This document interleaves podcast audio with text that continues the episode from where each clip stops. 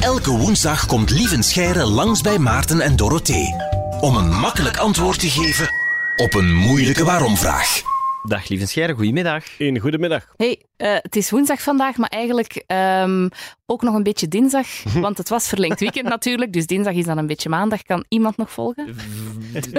Goed nadenk. Nee, wat was Pinkstermaandag? Heb je iets leuks gedaan of zo met het verlengd weekend?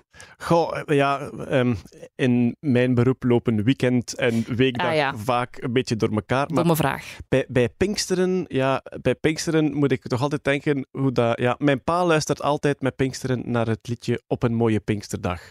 Op een mooie Ik Pinksterdag. weet niet of, of jullie jeugd dat nog kennen. Op een mooie Pinksterdag was een soort smartlap van twee Nederlandse kleinkunstenaars, denk ik. En dat gaat over een vader die op een mooie Pinksterdag met zijn kleine dochter gaat wandelen. En papa is de held op die leeftijd. Maar dan wordt ze groot en dan eh, heeft ze een lief. En pa vertrouwt dat niet en ze trekt weg van het huis. Oh. En mijn pa vond het altijd prachtig om daar zo'n beetje weemoedig naar te luisteren. Eh, ja, mijn pa heeft ook een dochter, hè, mijn zus Mhm. die eigenlijk eh, op een heel stabiele manier opgegroeid is. Dus hij heeft die weemoed in zijn eigen leven niet moeten kennen, maar hij heeft het nummer wel, ja. Even luisteren, ik heb het gevonden, wacht. Op een mooie Pinksterdag, als het even kon. Ik vind het vooral mooi hoe de twee mannen zijn, maar toch zo mooi tweestemmig. eh Ja, ja, met absoluut. de kopstem en zo. Ja, de, close, de close harmony en al. Ja, ja, heel mooi. Je mag ons nog muziek leren kennen, lieve Scheire. Ja, heel graag. Dankjewel. Nog meer, nog Ah, meer ja. oudbollige Ja. muziek op aanvraag. Ah, we hadden nog een vraag. Ja. Ook al. Ja. eh, de vraag is eh, deze week van Lise. Ze is acht jaar. Haar mama Cindy heeft die doorgestuurd. Waarom groeien onze nagels de hele tijd? Ik hoor een soort ergernis van waarom moet je dat nu altijd, altijd maar knippen, Ja. denk ik. Een soort kinderergernis. Weer al nagels knippen. Ja, waarom groeien onze nagels de hele tijd? Omdat onze nagels dood zijn. Tum, tum, tum. Eh, ja, maar daar, daar komt het eigenlijk wel op neer. Nagels eh, bestaan niet uit levende cellen, zoals onze huid wel en de rest van ons lichaam. Nagels en haar, want nagels en haar zijn hetzelfde. Nagels en haar zijn gemaakt van keratine, dat is dezelfde stof. Eigenlijk zou je kunnen zeggen, nagels zijn samengegroeid haar, biologisch gezien. Oké. Het is gewoon dezelfde stof die geproduceerd wordt. In ons haar is dat in lange sliertjes en in onze nagels is dat in een soort, ja, een soort vlak plaatje. En dood als in, we kunnen het afknippen, we voelen het niet, we don't Inderdaad. care. Maar de belangrijkste reden, omdat het niet bestaat uit levende cellen, kan het zichzelf ook niet herstellen. Dus stel dat een nagel zou stoppen met groeien, stel dat je geboren wordt met je nagels voor de rest van je leven, dan is elke beschadiging van je nagels definitief. Als je een nagel scheurt, is die voor altijd Ja. gescheurd. Als je een blauwe nagel hebt en die valt uit, zou die nooit meer terugkomen. Ja, wel, ik heb dat dus eens gehad. Een blauwe nagel? heel vuil. Nee, ik was, dat was een, eh, het gemeentehuis bij ons, die deur, en ik had sandalen aan. Enfin, Ja. vreselijk verhaal. Het deed ook heel veel pijn en ik bloedde en het gemeentehuis ging letterlijk vol bloed. Ja. En, Maar maar, het is- maar in ieder geval, de dokter in het ziekenhuis zei toen, die groeit gewoon terug. Ja. Ja. Maar dat was dus heel mijn alles, hè. Ja, maar ja, En dat is gewoon teruggegroeid. Dat is heel raar. Dat is het. De, eh, uw, uw nagel wordt gemaakt in de Matrix. Ik hou het wel spannend van. Ja, amai. Wow. De, de nagelmatrix, zo heet dat. Dus als je je nagel volgt naar achter, dan heb je het stuk waar het verdwijnt onder de huid. Hm? Ja? En nog een klein beetje dieper onder die huid, trek die huid niet weg, hè. dat is een slecht plan. Oh Maar dus een klein beetje dieper onder die huid zit de zogenaamde nagelmatrix. En dat is dus, ja, laat ons zeggen, een soort lijn van allemaal cellen die de hele tijd nieuwe keratine aan het vormen zijn. En die dus die nagel verder naar voren duwen met nieuwe nagel. En dus als die in zijn geheel uitvalt, begint dat gewoon vanaf daar terug naar voren. Duurt wel even, hè. Ik Ja, heb even moeten ja. manken en eh, Drie tot zes maanden. dat af, afschermen. Ja, om een volledige nagel te laten groeien. Ja. Ja. Ehm, maar dus, onze nagels groeien verder, wat dat dan natuurlijk geweldig nuttig is. Als je in de natuur leeft, als je een dier bent enzovoort, en je moet graven de hele tijd, je nagels geraken constant beschadigd. En dan is het wel zeer handig dat je telkens weer nieuwe nagel krijgt en verse nagel krijgt. Dus het is voor te krabben. En Voor te krabben. ja, maar wat is het nut? Dat, Daarom hebben we het dus, hè? Om te krabben. De reden waarom we nagels hebben is inderdaad om te kunnen krabben of om te kunnen graven in de natuur of te kunnen vechten ook soms. Ja. Hè, vroeger dan. Eh, Ja. Dat moeten we vandaag gelukkig niet zo vaak meer doen, vechten met onze nagels.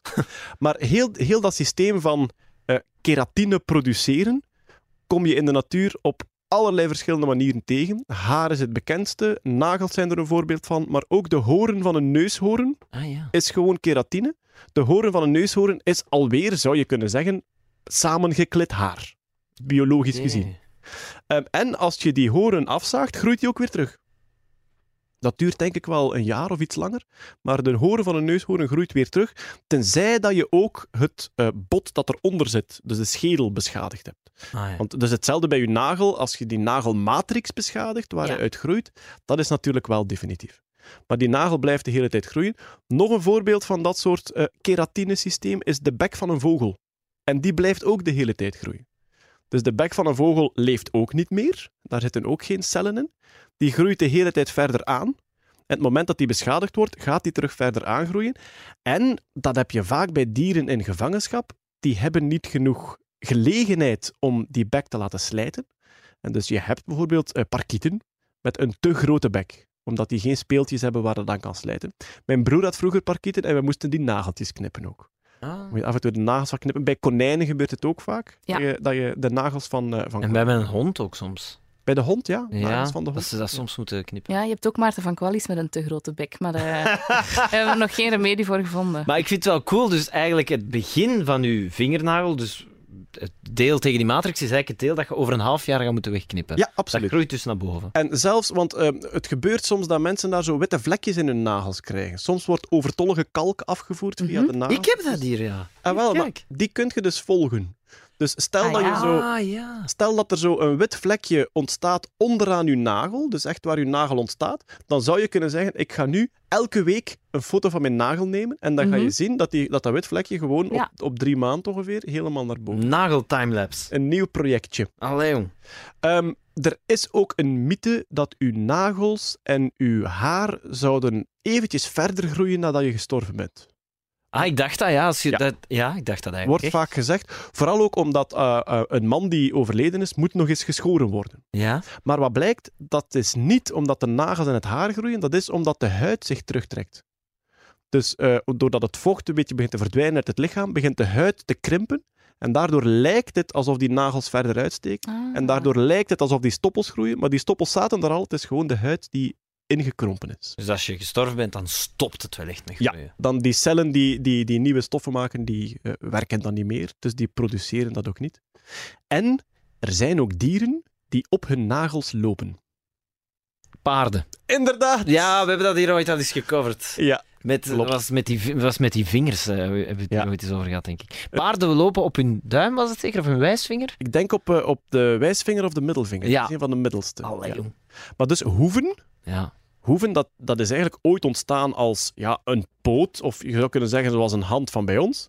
Eh, sommige dieren lopen op hun vingers, zou je kunnen zeggen, zoals konijnen, die zo iets, en, en, en katten ook, denk ik, die, Ja. zo, die zo iets meer op een tip staan. En sommige zijn teentopgangers. Dus je stel je voor dat je op je nagels loopt en door miljoenen jaren evolutie begint zich dat dan te ontwikkelen tot een hoef. Lieve Scheire, dank u wel. Met plezier. Yo. Ook een leuke waarom-vraag gehoord waar je zelf het antwoord niet op kent? Stuur ze zeker door via de Q-app met de hashtag waarom daarom. En dan beantwoordt Lievenscheire jouw vraag misschien volgende woensdag al.